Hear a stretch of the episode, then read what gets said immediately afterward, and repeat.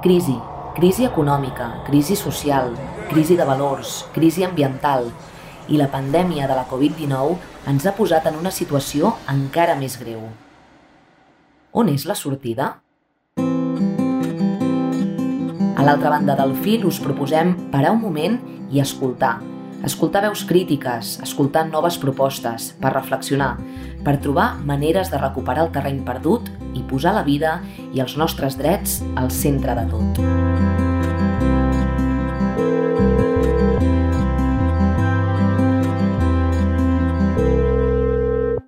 A l'altra banda del fil, un podcast de l'Observatori d'ESC i Crític.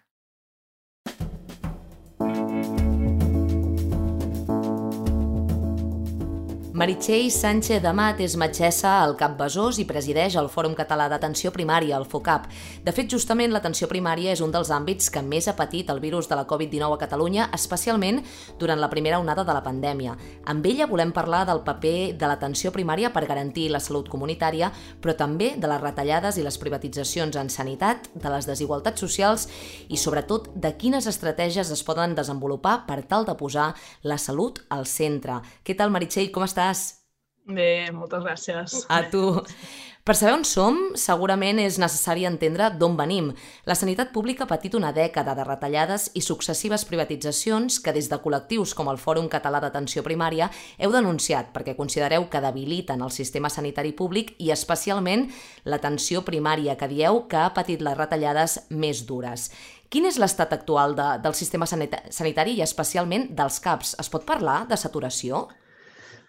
Bé, jo diria que sí que es pot parlar de, de saturació, de que estem treballant, però ja fa molts anys, eh, que estem treballant, diguem-ne, per sobre de, de les possibilitats i, i, bueno, i deixant de fer coses que, que hauríem de fer i que són importants per bé que els efectes no es noten de manera, de manera immediata. Això que comentaves de les retallades no? i de la, la diferència no? entre l'atenció hospitalària i l'atenció primària, doncs, eh, bueno, hem de partir de la base que l'atenció primària va patir més retallades que l'atenció hospitalària i que a l'hora de recuperar pressupost en va recuperar menys. Per tant, es va augmentar no, la, la diferència entre, entre els dos nivells. La OMS eh, recomana que la despesa que de, en salut que, que es destina a atenció primària sigui del 25% i actualment a Catalunya és del 15%. Per tant, estem molt lluny del, de l'ideal i això té, té conseqüències, evidentment, si tu tens una atenció primària sense recursos econòmics, que els recursos econòmics en l'atenció primària bàsicament es destinen a personal, doncs no pots donar l'atenció òptima, no? aquella atenció que a més a més doncs, fa que realment eh, els resultats en salut millorin i l'eficiència del sistema sigui, sigui bona. Per tant, estàvem saturats abans, ara estem molt més saturats, eh, estem intentant anar més enllà del monogràfic Covid, no? en què ens havíem convertit sobretot als primers mesos, tot i que no hem deixat mai de fer d'atendre la, resta de la patologia, però és evident que sí, que ho estem passant malament. Hmm. Aquí volia anar justament. Quins efectes té tot això sobre la població més enllà dels pacients infectats per la Covid-19? Clar, atenció primària, jo a vegades penso que en cert imaginari, sobretot de persones de les que prenen decisions i que moltes vegades no són usuaris de l'atenció primària i per tant no saben què és el que, el que s'hi ofereix, doncs ens limitem a fer baixes, a fer receptes, a fer eh, informes, no? I això seria una mica el que fem. Clar, nosaltres no fem això només, vull dir, això també ho fem, però el que fem sobretot és atendre totes les necessitats de salut de la població, no? tots els símptomes que es presenten, també fem prevenció, també fem seguiment de patologia crònica i tot això és el que sobretot els primers mesos i ara doncs, estem eh, recuperant-ho a diferents velocitats, eh, doncs és el que es va deixar de fer, no? eh, sobretot. Ho vam deixar de fer també perquè la gent va ser molt responsable, o sigui, la, la població, la veritat és que ha assumit molt bé, ha tingut un paper, diguem-ne, molt col·laborador en, aquesta, en tota aquesta situació, no? I, i, i ara, de fet, jo quasi a vegades diria, doncs, no dubteu a, a, a consultar els símptomes, perquè, clar, quan tu em preguntes quins efectes té en la població que no té, té Covid, doncs un de dels problemes amb què ens, en, que ens estem trobant són els retards diagnòstics, no? proves que havíem demanat o que demanem i que es fan tard, um, símptomes no? que es consulten també més tard i, per tant, el, el que estem veient és que ja hi ha dades de que els diagnòstics de càncer aquests últims mesos han baixat respecte a l'esperable. No és que no hi hagi més càncers, a, que hi hagi menys càncers, els càncers segueixen sent i el que passa que no els diagnostiquem els diagnosticarem més tard. Uh, per tant, doncs, les, les possibilitats no, de, de, de supervivència també, com sabem, si el diagnòstic és més tardà, moltes vegades influeix en, la, en els resultats. Per tant, aquesta és una de les conseqüències. I després també doncs, persones amb malalties cròniques que doncs, no, han, no, ha, no les hem pogut atendre, no hem fet controls i, i doncs, han tingut més descompensacions i això tindrà un efecte tant descompensacions agudes com mals controls que impliquen més complicacions a, a llarg termini, no? més les tasques preventives pròpies de l'atenció la, primària, que això evidentment es veurà doncs, a, a, més, a més llarg termini.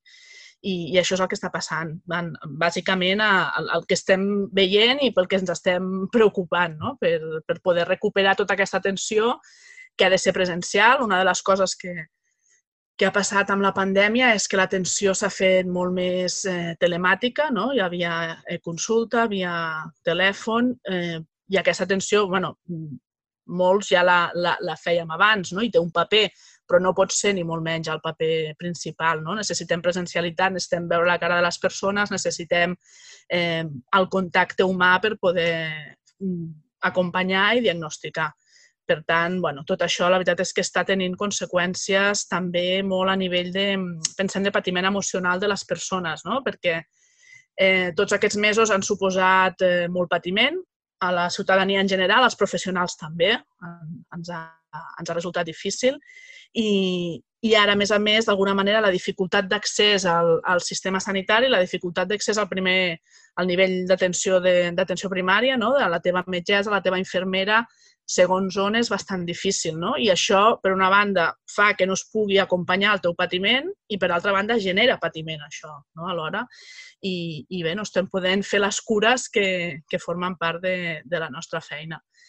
També en molts llocs el que està passant és que s'estan fent agendes centralitzades en les quals doncs, les, les persones tenen dificultat per contactar amb la seva metgessa i amb la seva infermera, que és eh, al cap i a la fi el que, intuïtivament la gent sap que, que l'ajuda més, però que a més a més després les dades així ho corroboren. És a dir, sabem que ser atès per la mateixa metgessa redueix la mortalitat. No? I, per tant, eh, la gent, el que intuïtivament la gent ja considera positiu és el que, el que s'hauria d'oferir i a vegades doncs, no treballen des d'aquesta perspectiva.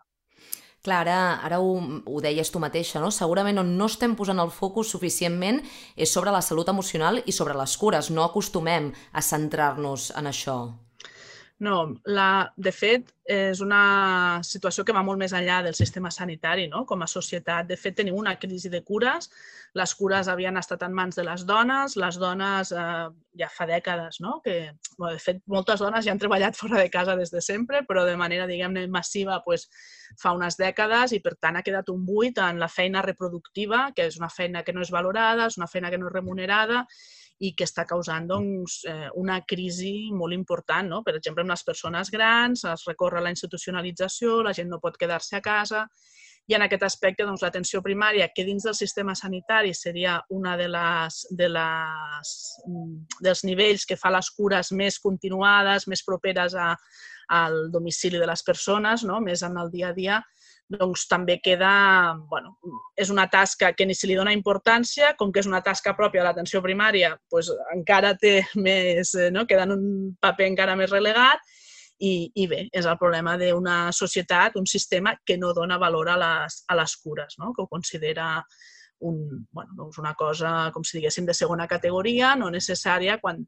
a la pràctica, no? quan hi va haver les feines essencials a la, a la primera onada, totes eren bàsicament de cures, no? I moltes a, per, per part de dones, fetes per dones.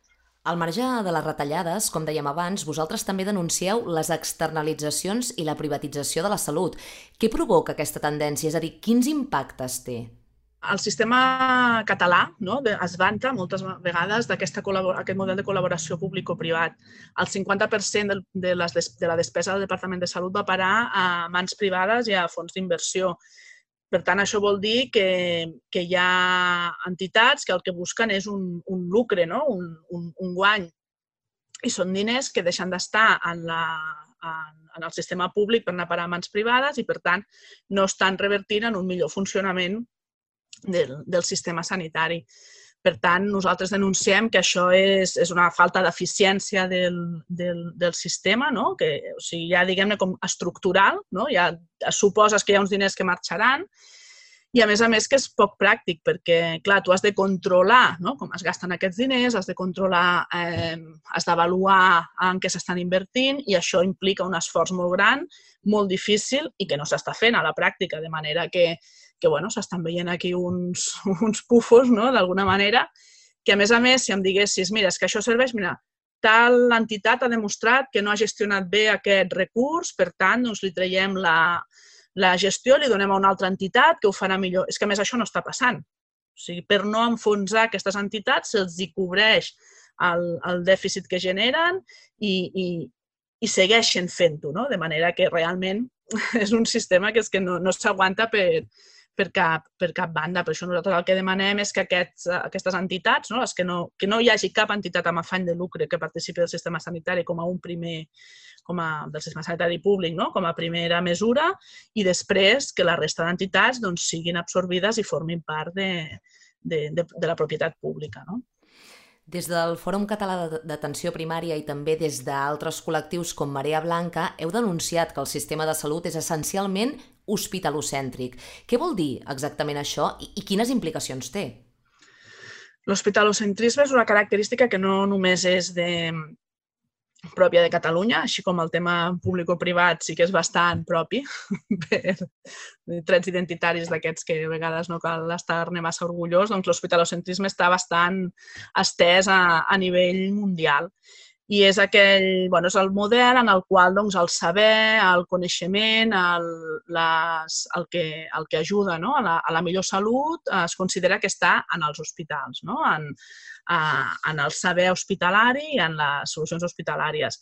Això ja comença en les facultats. No? Les facultats de Medicina, d'Infermeria, estan vinculades a, a hospitals. La majoria de, de, professor, de professorat eh, són eh, metges hospitalaris, que per tant el que transmeten és una visió de la salut i de la malaltia hospitalària. La visió des de l'hospital és molt més medicalitzadora perquè parteix de la malaltia, parteix, no? coneix els pacients quan estan ingressats o quan, es, quan tenen una patologia, diguem-ne, més que no es resol l'atenció primària i que, doncs, per tant, doncs, es generen més proves, es fan més intervencions, més tractaments, no? és, una, és més agressiva en aquest, en aquest aspecte.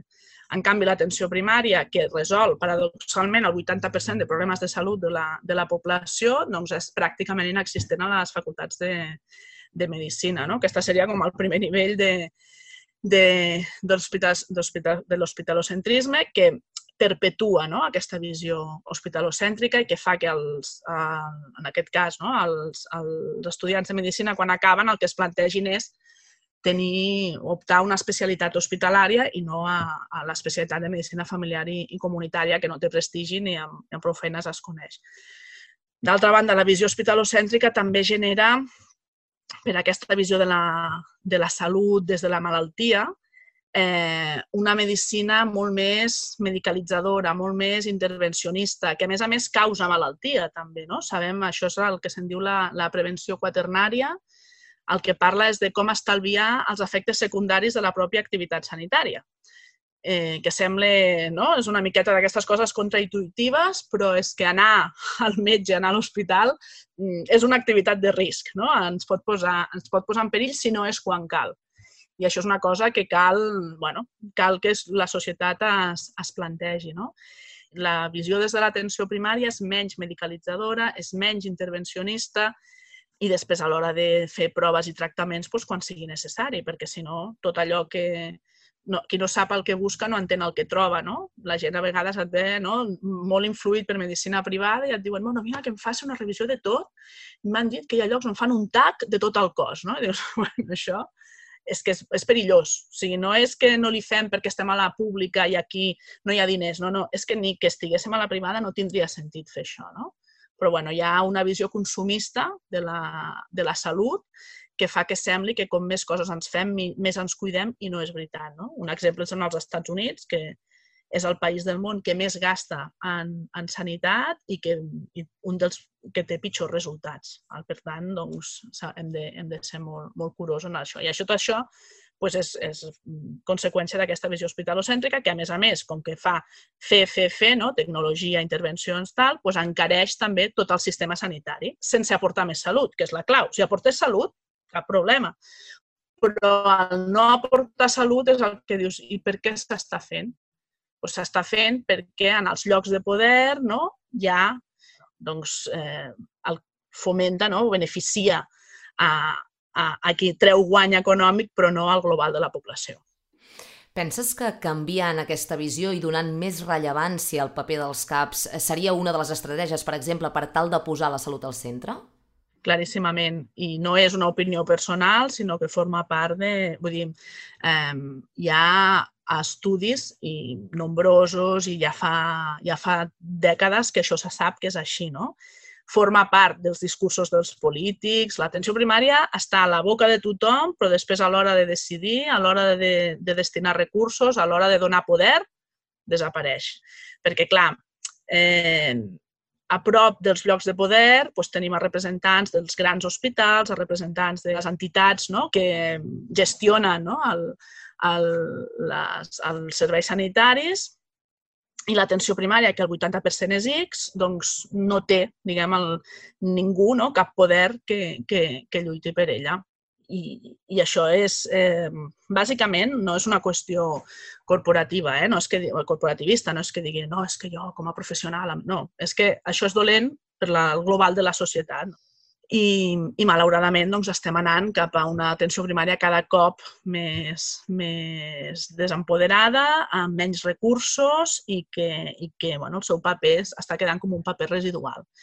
El que veiem ara no, és que el, sembla que les xifres és que el 80% de la població s'atén als hospitals públics, però un percentatge molt més baix va a l'atenció primària. No? Qui pot, eh, se salta l'atenció primària. Eh? Qui pot, doncs, es fa d'una mútua, qui pot, doncs, a través del metge de la mútua ingressa directament a l'hospital, hi ha coses d'aquestes que, que passen, no? disfuncions del sistema, eh, que això bueno, doncs podria no tenir més importància si no, si no sabéssim que això, a més a més, va en detriment de la salut individual d'aquestes persones, no? perquè ser atès per un especialista focal eh, diguem-ne, fa que el, els resultats siguin pitjors no? quan tu tens un símptoma general, vull dir, si, si no has passat per al filtre previ de, de, del metge de, de família. Però això la gent no ho sap. No? Llavors, no sap, per exemple, que si tu augmentes el número de metges de família per, per, per habitants, per número d'habitants, la mortalitat disminueix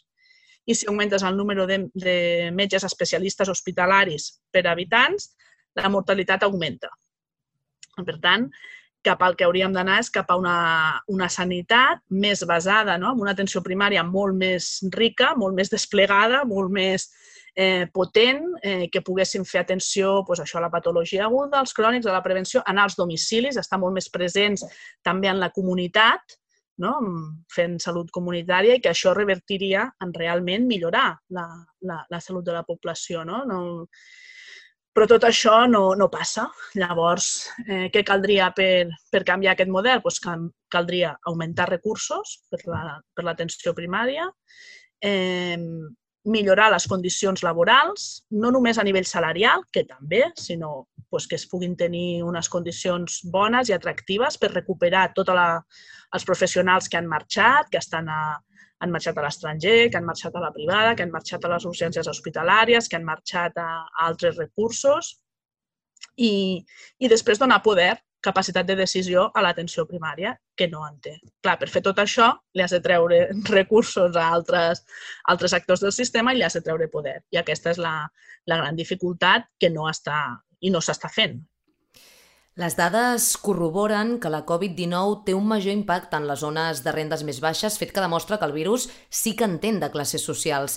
El coronavirus, de fet, no deu ser l'únic exemple, el que vol dir que els condicionants socials tenen un efecte sobre la salut de les persones.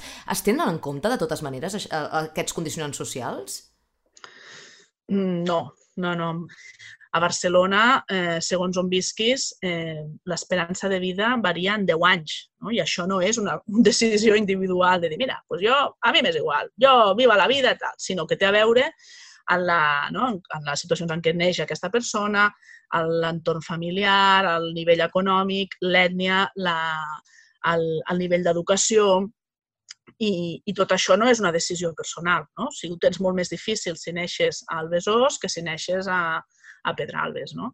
Eh, i, I això el sistema no ho té en compte i els professionals moltes vegades doncs no ho tenim en compte, medicalitzem, donem tractaments no? i d'alguna manera el que fem és acallar. Jo a vegades dic que, que tinc la sensació que actuem com a, com a una baula del, de, en el sistema no? en què fem callar la gent per, per evitar que la pressió aquesta exploti. No? Llavors, dus, a la gent la vas, la vas com calmant amb medicació sense, sense assenyalar no? els, els veritables responsables d'això. En, en aquest aspecte, la salut no només es fa des de la sanitat, sinó que hauria de fer-se des d'absolutament totes les, les lleis que es facin al Parlament perquè tenen incidència, no? des de les reformes laborals que es puguin fer fins a les decisions sobre habitatge, de, fin, de, passant per serveis socials. No? Tot això té influència en la salut. Espera que des dels serveis sanitaris eh, resolguem eh, aquests problemes quan les causes de les causes van molt més enllà de la, del nostre abast, doncs eh, bueno, és, és fer trampes al solitari. Molt bé, Meritxell, doncs moltes gràcies per les reflexions i per ajudar-nos a entendre on som, com està el sistema sanitari també en aquest moment de pandèmia i per obrir-nos a propostes per posar la salut al centre de tot. Meritxell Sánchez Amat, presidenta del Fòrum Català d'Atenció Primària, moltíssimes gràcies per acompanyar-nos i per ser-hi. Moltes gràcies a vosaltres.